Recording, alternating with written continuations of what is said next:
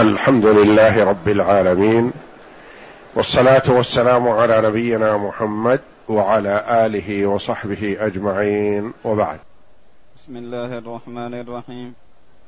قال المؤلف رحمه الله تعالى فهم وسط في باب صفات الله سبحانه وتعالى بين أهل التعطيل الجهمية وأهل التمثيل المشبهة. بل هم وسط. بل هم وسط في فرق الأمة.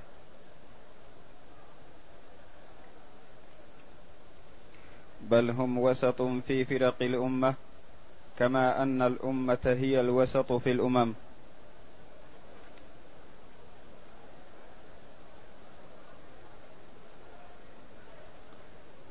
يقول الإمام شيخ الإسلام ابن تيمية رحمه الله في العقيدة الواسطية بل هم أي أهل السنة والجماعة. الفرقة الناجية. بل هم الوسط في فرق الأمة. كما أن الأمة هي الوسط في الأمم. بل هم أي أهل السنة والجماعة. الفرقة الناجية التي أخبر عنها النبي صلى الله عليه وسلم بقوله وستفترق هذه الأمة على ثلاث وسبعين فرقة كلها في النار إلا واحدة. قالوا من هي يا رسول الله؟ قال من كان على مثل ما أنا عليه وأصحابي. أي أهل السنة والجماعة. الآخذون بكتاب الله وسنة رسول الله صلى الله عليه وسلم. يقول هم الوسط في فرق الأمة. فالأمة يعني أمة الإجابة. أخبر النبي صلى الله عليه وسلم أنها ستفترق على ثلاث وسبعين فرقة. أهل السنة والجماعة وسط بين هذه الفرق. فرق غالية وفرق جافية. كل واحدة عندها نقص إما في الزيادة أو في النقص. وهذه ال... و... وفرقة أهل السنة والجماعة وسط بين هذه الفرق. أخذت محاسن ما عند الفرق وتركت السيء منه. يعني ما تخلو فرقة من محاسن. وفيها مساوي. فأهل السنة والجماعة أخذوا محاسن الفرق وتركوا مساويها. أخذوا بكتاب الله جل وعلا وبسنة رسوله صلى الله عليه وسلم فتوسطوا. وسيأتي كلام شيخ الإسلام ابن تيمية رحمه الله كيف توسطت هذه الفرقة الفرقة الناجية بين فرق الأمة. قال كما أن الأمة هي الوسط في الأمم. الأمة فرق. الأمة يعني أمة الإسلام. وسط في الأمم السابقة. والفرقة الناجية من هذه الأمة وسط في فرق هذه الأمة. أمة الإجا أمة الإسلام وسط بين اليهودية والنصرانية في كثير من الأمور.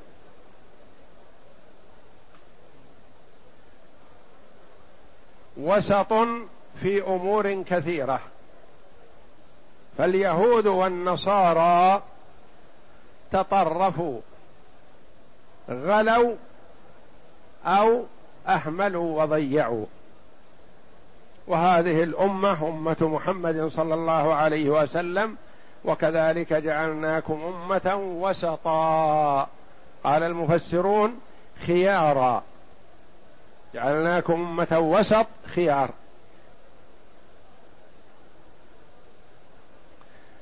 فهي وسط في أمور كثيرة منها.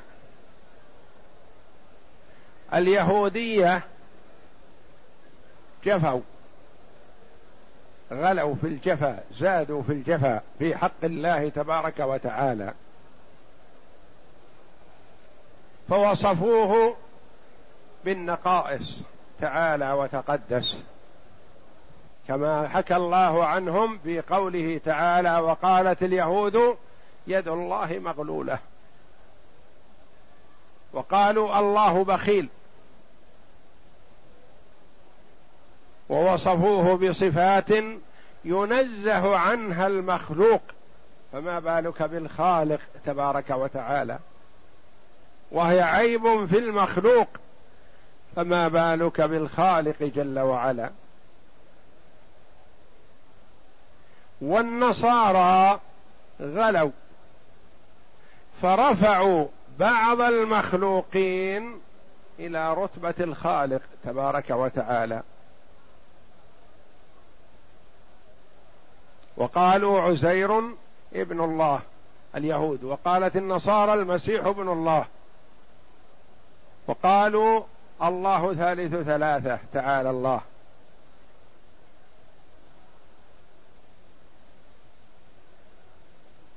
وأهل السنة والج... وهذه الأمة أمة الإسلام قالوا الله هو الواحد الأحد الفرد الصمد الذي لم يلد ولم يولد الموصوف بصفات الكمال المنزه عن صفات النقص والعيب.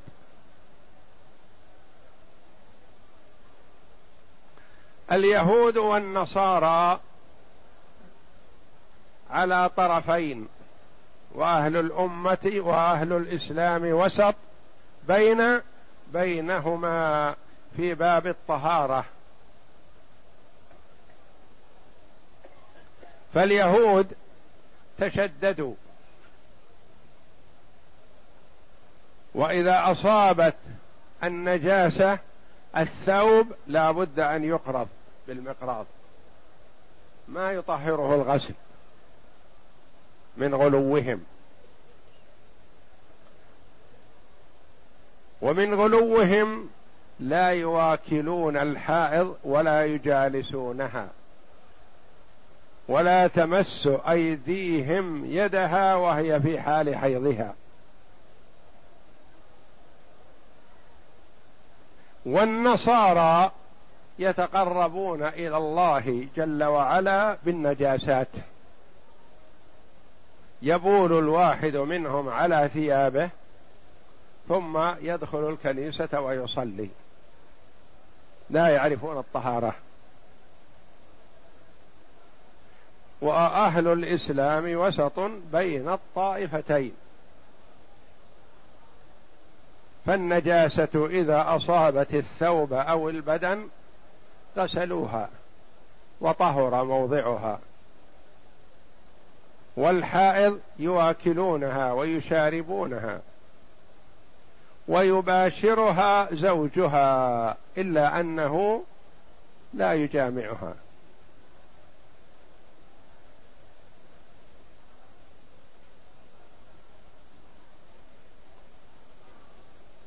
فهم في الطهارة متمسكون بدون غلو.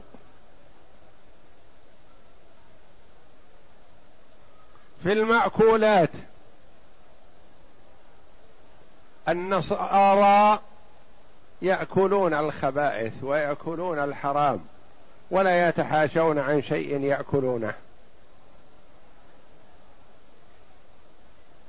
واليهود حرم عليهم بعض الطيبات.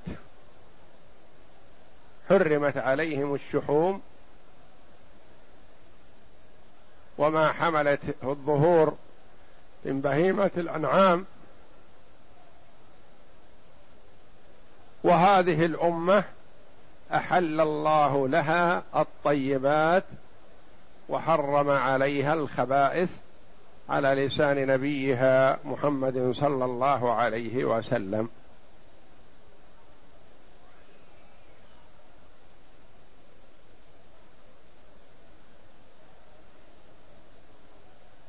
فهذه الأمة وسط بين الأمم. من الأمم السابقة من عنده الغلو ومنهم من عنده الجفاء. وسط في موضوع القصاص والحقوق في الدماء. اليهودية يجب عليهم القصاص.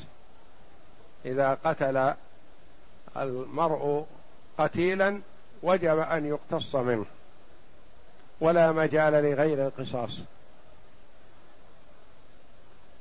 النصارى أوجب عليهم العفو لا قصاص ولا دية. هذه الأمة خيرها الله جل وعلا بين ثلاثة أمور. إن شاءوا القصاص في قتل العمد وإن شاءوا الدية وإن شاءوا العفو مجانا احتسابا وتقربا إلى الله. فهذه الوسطية التي ذكرها الله جل وعلا في كتابه العزيز وامتن بها على هذه الأمة ونوه عنها شيخ الإسلام رحمه الله بقوله كما أن الأمة هي الوسط في الأمم.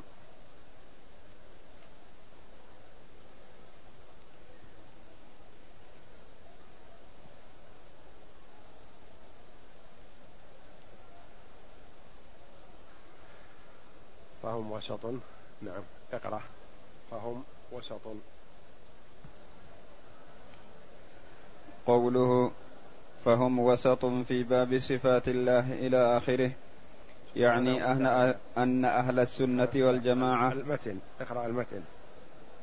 فهم وسط في باب صفات الله سبحانه وتعالى بين أهل التعطيل فهم وسط في باب صفات الله سبحانه وتعالى بين أهل التعطيل الجهمية وأهل التمثيل المشبهة. الفرقة الناجية أهل السنة والجماعة وسط بين فرقتين من فرق هذه الأمة ضالتين. في باب الصفات سيأتي في أمور كثيرة لكن الآن الحديث عن باب الصفات. في باب صفات الله سبحانه وتعالى بين أهل التعطيل الجهمية وأهل التمثيل المشبهة فرقتان ضالتان في صفات الباري تبارك وتعالى وأهل السنة والجماعة وسط بينهما على الحق. بين أهل التعطيل التعطيل سبق بيانه أنه هو إخلاء الباري جل وعلا من صفاته والمعطل الخالي الذي ليس فيه شيء كما قال الله جل وعلا بئر معطلة.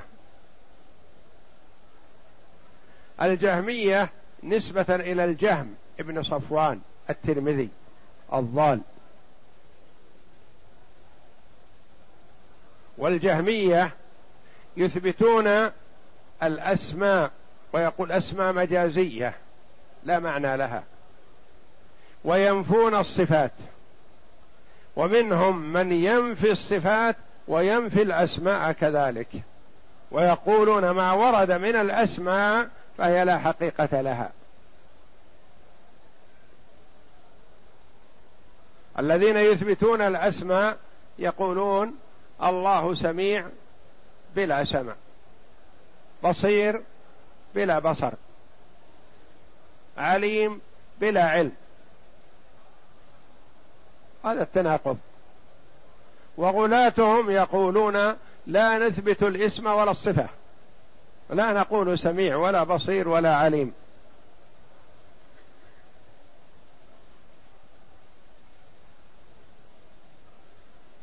يقولون الله وجود فقط.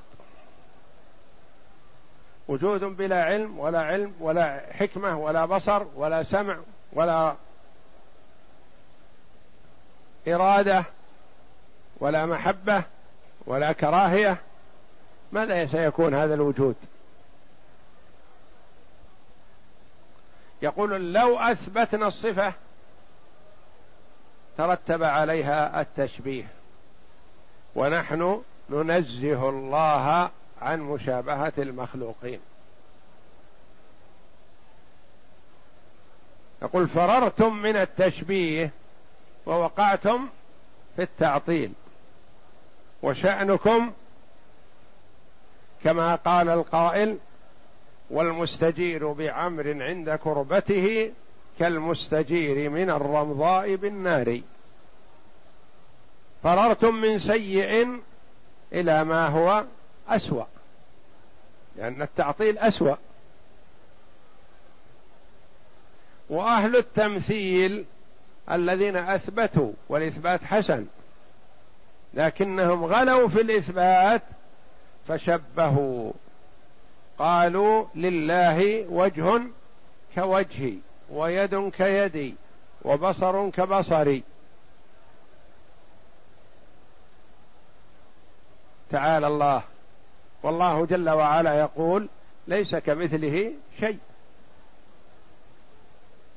ففي هذا الجزء من الآية الكريمة رد على الطائفتين الضالتين واستدلال على صحة مذهب أهل السنة والجماعة. كيف ذلك؟ ليس كمثله شيء هذا رد على المشبهة. وهو السميع البصير رد على المعطلة. فأهل السنة والجماعة وسط في باب صفات الباري جل وعلا بين الجهمية المعطلة وبين المشبهة الممثلة الذين يشبهون الله بخلقه.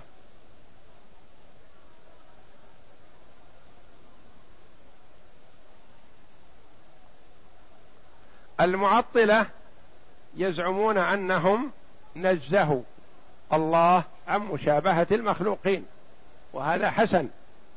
لكن ما توقفوا عنده بل غلوا في هذا التنزيه حتى عطلوا الله من صفاته. المشبهة يزعمون أنهم أثبتوا صفات الباري جل وعلا وهذا حسن. الإثبات حسن. لكنهم تجاوزوا الحد في هذا الإثبات فشبهوا ومثلوا الله جل وعلا بخلقه. ولذا قال بعض السلف المعطلة يعبدون عدما والمشبهة يعبدون وثنا. وأهل السنة والجماعة يعبدون إلها واحدا أحدا فردا صمدا. يعني موصوف بصفات الكمال جل وعلا ولا تشبه صفاته صفات خلقه.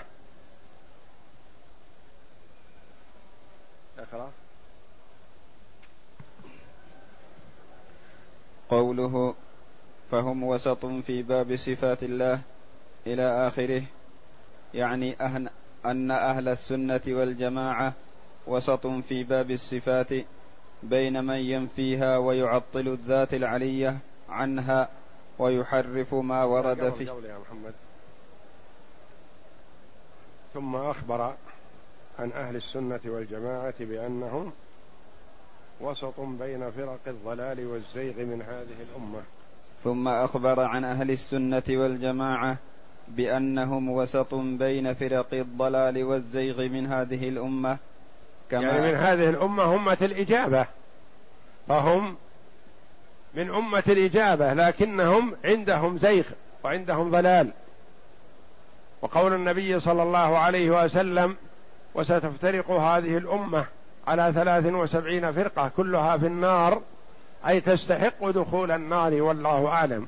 وليس المراد التخليد في النار فليسوا بكفار بل هم من المسلمين وإنما هم عندهم شيء من الضلال فمنهم المقل ومنهم المستكثر فليسوا على حد سواء نعم.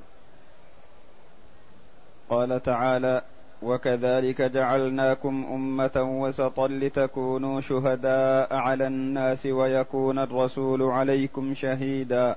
هذا استدلال من المؤلف رحمه الله بأن أمة محمد صلى الله عليه وسلم وسط بين الأمم السابقة. نعم. ومعنى وسطا عدولا خيارا. كما ورد الحديث بذلك. نعم. فهذه الأمة وسط بين الأمم التي تجنح إلى الغلو الضار والأمم التي تميل إلى التفريط المهلك. اليهودية تجنح إلى الغلو والنصرانية تميل إلى التفريط ثم تنعكس الحال أحيانا في بعض معتقداتهم. فأحيانا تكون اليهودية مفرطة والنصرانية غالية. فأحيانا يكون هؤلاء كذا وأحيانا يكون كذا في بعض الأفعال. فمثلا اليهودية فرطت وجفت في حق الله تبارك وتعالى فجردوه من صفاته ووصفوه بالنقائص تعالى وتقدس. والنصارى غلوا في المخلوق فرفعوه إلى درجة الخالق. النص اليهودية غلت في موضوع النجاسات والطهارة. النجاسة ما تزول عندهم إلا بالمقراض. إذا أصابت النجاسة الثوب لا بد أن يقرض فلا يطهره الماء. النصرانيه النصراني يبول على ثيابه ويدخل يصلي. نعم. فإن من الأمم من غلا في المخلوقين وجعل لهم من صفات الخالق وحقوقه ما جعل. وهذا للنصرانية. نعم. كالنصارى الذين غلوا في المسيح عليه السلام والرهبان. كما قال الله جل وعلا اتخذوا أحبارهم ورهبانهم أربابا من دون الله. نعم.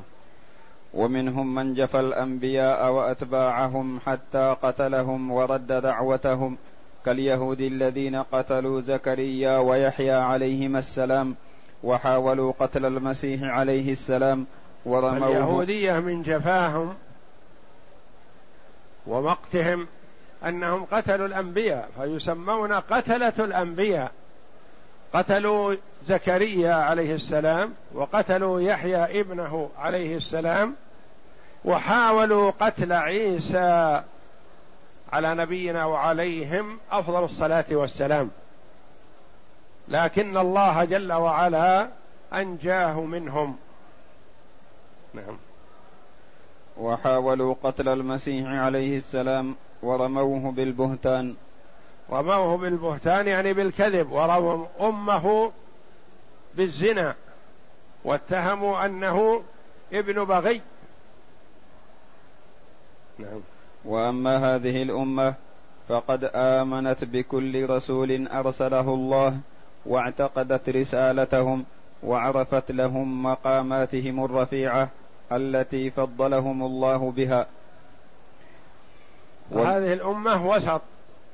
ما رفعت المخلوق إلى رتبة الخالق ولا ألهت مخلوقا مع الله تعالى ولا قتلوا الأنبياء ولا جفوهم وإنما اتبعوهم وآمنوا بهم وصدقوا جميع الأنبياء والمرسلين السابقين من أولهم إلى أن ختمهم الله جل وعلا بمحمد صلى الله عليه وسلم.